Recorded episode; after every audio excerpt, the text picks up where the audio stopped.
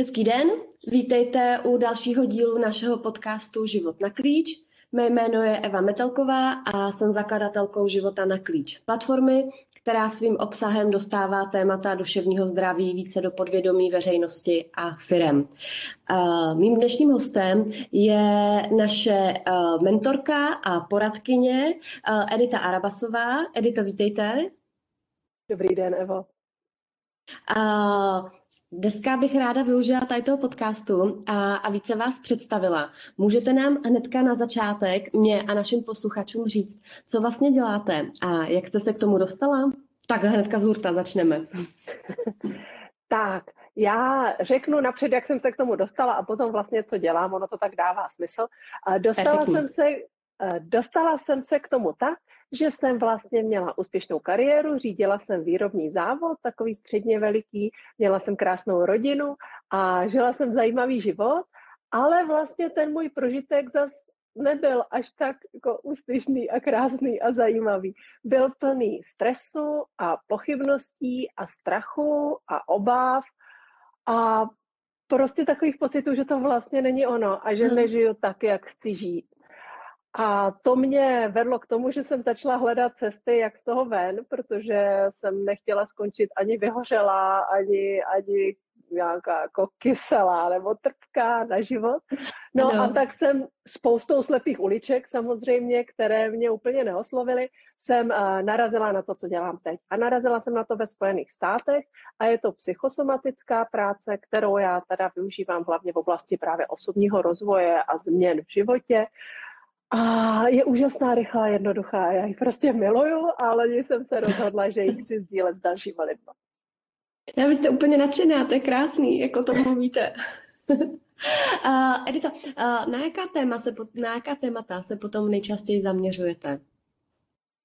Vlastně pro mě ta jednotlivá dílčí témata jsou celkem jedno. Co oni mají společného je, že je člověk v situaci, kdy jako ví, co by chtěl, ale nedaří se mu toho trvale dosáhnout. Takže je z toho mm. vystresovaný, unavený, takový uhoněný, otrávený, protože to člověka deptá, že jo, když jako něco chce. Chce třeba dobře, ano, mm. chce dobře spát, ale nejde mu to.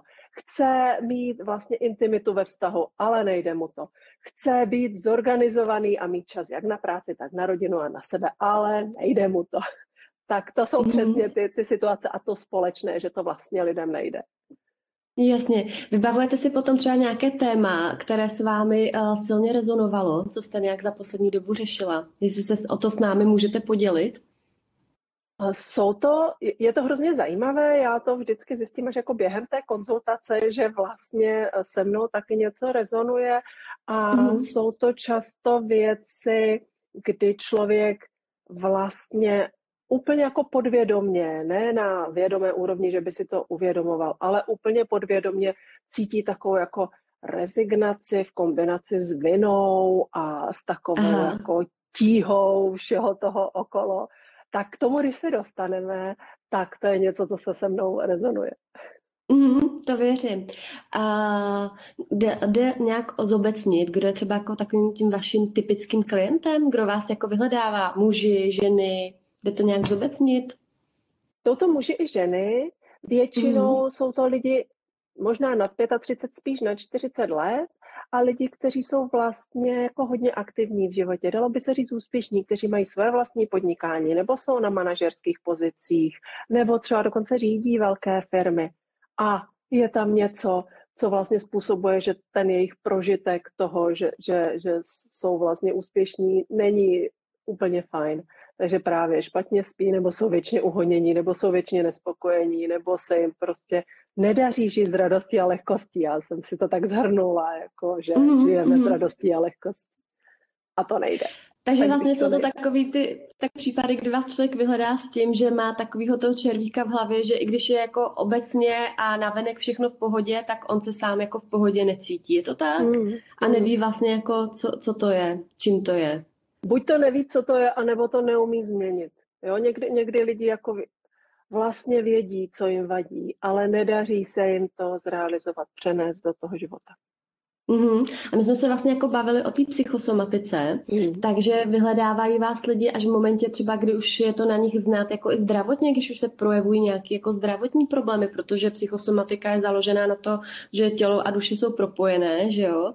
Takže, takže jestli už je to takhle jako na nich, je třeba jako, že si člověk uvědomuje, že třeba zdravotně už se necítí OK, tak by chtěl nějak něco řešit, tak právě v tuhle chvíli už vás vyhledá?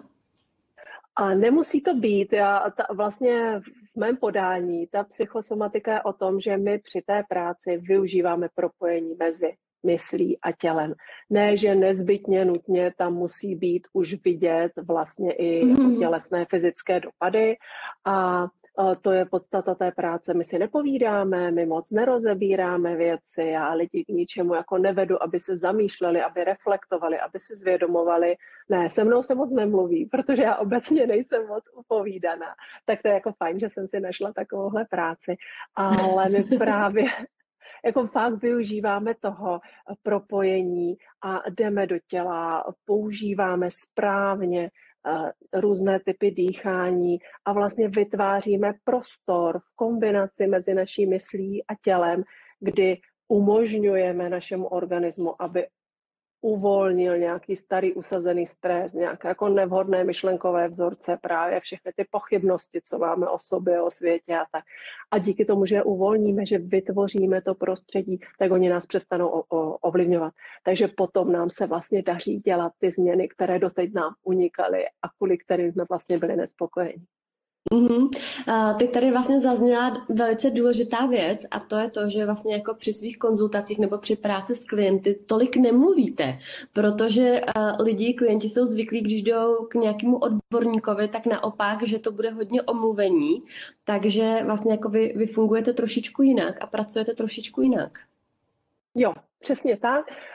U mě, my fakt jako mluvíme na začátku pár vět, ta já mluvím víc, protože vždycky lidem říkám, co budeme dělat a dávám jim nějaké instrukce a vlastně je učím takové jednoduché dovednosti, které potřebujeme, abychom si spolu navzájem domluvili a mohli spolupracovat. A potom eh, ten, ten člověk, který za mnou přijde, tak tam je vždycky jenom pár vět, jo. My fakt jako nepotřebujeme moc, nám jde vždycky o to jako najít vlastně ten nejbolestivější úhel pohledu na danou situaci třeba, já nevím, eh, žena, které se prostě nedaří vyšetřit si dost času na rodinu a na sebe, tak tam, eh, tam jako řešíme, co je na tom pro ní to nejhorší. Je to to, že je z toho nesmírně unavená, nebo že má výčitky svědomí, že není dobrá máma, nebo že naopak se bojí, že když té práci nedá víc, tak, tak to nebude fungovat. Vždycky tam jako vlastně se bavíme jenom o tom, abychom našli to nejintenzivnější, co kolem ano. té situace člověk vnímá a pak už, už moc nemluvíme a pak už si uvědomujeme tělo, pak už zapojujeme ten dech a pak už jako vytváříme ten prostor, kdy nastávají ty změny. Perfektní. Takhle vlastně jako fungujete. Pojďte nám teď jako víc přiblížit jako našim posluchačům, když se k vám někdo přihlásí na konzultaci, jak takový typický mm-hmm. konzultace s vámi probíhají. Na co mhm. vlastně můžou být připraveni lidi? Mm-hmm.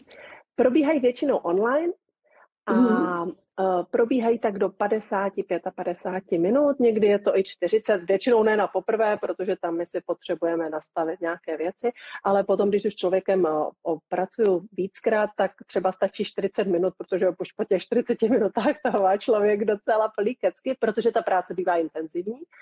A vlastně to probíhá tak, že si řekneme, Celá ta moje práce stojí na čtyřech základních krocích, které my během té konzultace aplikujeme v různých lehkých obměnách. A tak vlastně já vždycky lidem řeknu, co budeme dělat, tyhle čtyři mhm. kroky, mm-hmm. potom jim řeknu nějaký instrukce, což je hrozně vtipný, jako nejdu...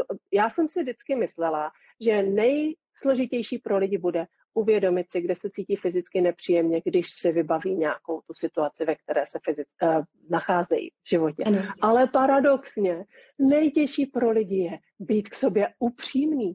Opravdu Upřímný, to je pravda. Přiznat, mm. že jsem z odpuštění třeba my se ano. tak snažíme být jako optimističtí, pozitivní, úspěšní, vtipní, já nevím co. A vůbec si nej, nejsme to ochotní připustit, že, že nám fakt není dobře. No. Mm. Takže, takže to je například jedna z instrukcí, že se jako snažíme být sebe. rozumím. A potom, potom už, uh, už si vlastně chystáme naše pracovní nástroje, tak jako by si člověk uvařil kafe, otevřel počítač, než začne pracovat, tak my si právě chystáme to tělo, my si ho uvědomujeme, my, si, my se naučíme, co jsou fyzické pocity, že jsme schopni je vnímat, že, že bolest není fyzický pocit, že prostě je to tíha, svírání, pálení, bodání, mm. cokoliv takového. Potom se naučíme dva typy dechu, které používáme při té práci. Potom skombinujeme to vnímání ano. těla s tím dechem, protože my používáme dech jako komunikační nástroj s tím tělem, mm-hmm. což je jeden vlastně jeden z kroků, které už začínají generovat uh, změny u nás vevnitř v tom, v tom organismu. No a potom uh, ty, tyhle kroky použijeme na to téma, které si člověk přináší, takže začneme s tématem, pak se přesouváme do těla, pak k tomu přidáváme dech a potom společně vlastně udržíme čas a prostor, ve kterém dáme šanci našemu tělu dělat to, co ono přirozeně umí, když mu to dovolíme, a to uvolňovat a zpracovávat. Mm-hmm.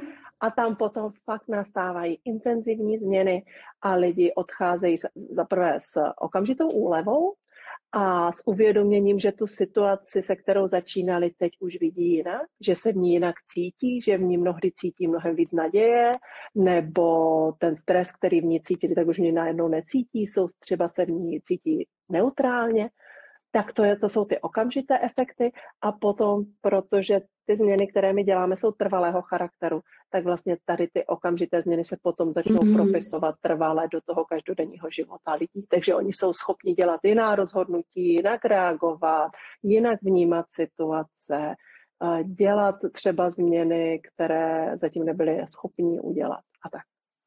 Perfektní, moc děkuju. A Edito, co byste doporučila potom třeba lidem, kteří je zvažují třeba konzultaci mm. s vámi, nebo cítí, že by to pro ně mm. určitě bylo přínosem, ale ještě jste k tomu úplně neodhodlali. Co byste jim poradila? Já bych jim poradila, tak to vyzkoušejte. Já to mám teď nastavené tak, že ta první konzultace je zdarma, protože mm. Přesně protože si málo kdo dokáže představit, co si pod tím má představit. Ano. A, takže vlastně člověk nemůže nic ztratit. A těch hodin v životě, kterých už jsme ztratili, těch bylo. Takže při nejhorším přijdou o jednu další. Přesně tak, perfektní. A jedno z velkých témat, které eh, většina z nás řeší, a vím, že taky vy řešíte v rámci konzultací, je téma strachu. Hmm. A já bych na závěr vlastně našeho dnešního povídání vás poprosila, jestli můžete dát našim posluchačům nějaký tip, trik nebo techniku, jak si poradit s takovým tím akutním strachem, strachem, který nás teď v tuto chvíli ochromí a my nevíme kudy kam tak pokud je to strach, že na nás jde někdo s nožem, tak v tom případě jako se bavíme o něčem úplně jiném, to bych vynechala. To je jiný strach, ano. na, ne život ohrožující, tak. Ano, tak. Ale a tady v těchto situacích je to samozřejmě těžké, protože tam přejímá vládu nějaký jako část našeho organismu a nervového systému, které my nemáme pod kontrolou, protože oni jsou velmi rychlé a silné a mají na starost zajistit naše přežití a kecat jim do toho moc nejde. Ale no. vlastně my máme vždycky v každé situaci v životě jednu volbu, kterou nám nikdy nikdo nemůže vzít.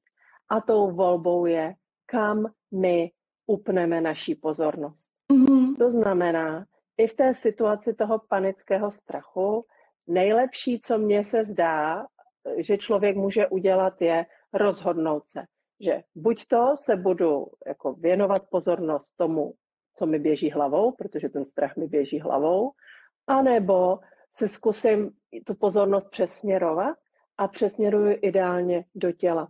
A když mm-hmm. ji mhm. přesměruju do těla naprosto neutrálně a budu se věnovat jenom tomu tělu, tak si můžu říct fajn, tak teď jako jsem v panickém strachu, kde se cítím fyzicky nepříjemně. A třeba si odpovím, já nevím, v hrudníku, to je jedno, na hrudi. A teď já vlastně, je fajn věnovat pozornost tomu, co skutečně na té hrudi cítím. Je to svírání, je to tíha, je to pálení, je to bodání, co to je.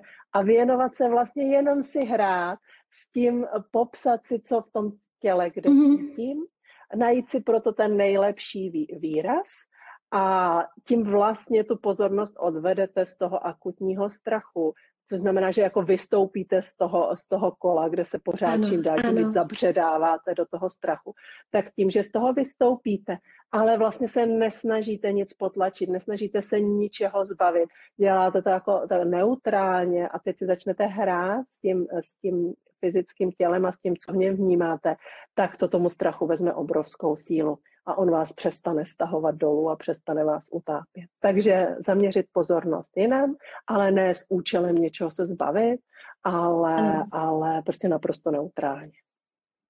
To perfektní. Moc děkuji za, za tuto techniku a vůbec za celé dnešní povídání. A tímto je uh, naše dnešní povídání u konce. Ještě jednou moc děkuji, že jste tady se mnou byla a že jste si se mnou takhle hezky povídala. A... Děkuji moc krát za tu příležitost. Uh, Děkujeme taky všem posluchačům za, za pozornost a určitě se budeme těšit někdy příště zase naslyšenou. A pokud budete chtít vědět víc o, o Editě, co dělá, tak uh, určitě uh, navštivte náš web životnaklíč.cz. Ještě jednou děkujeme a budeme se těšit někdy příště zase naslyšenou. Mějte krásné dny.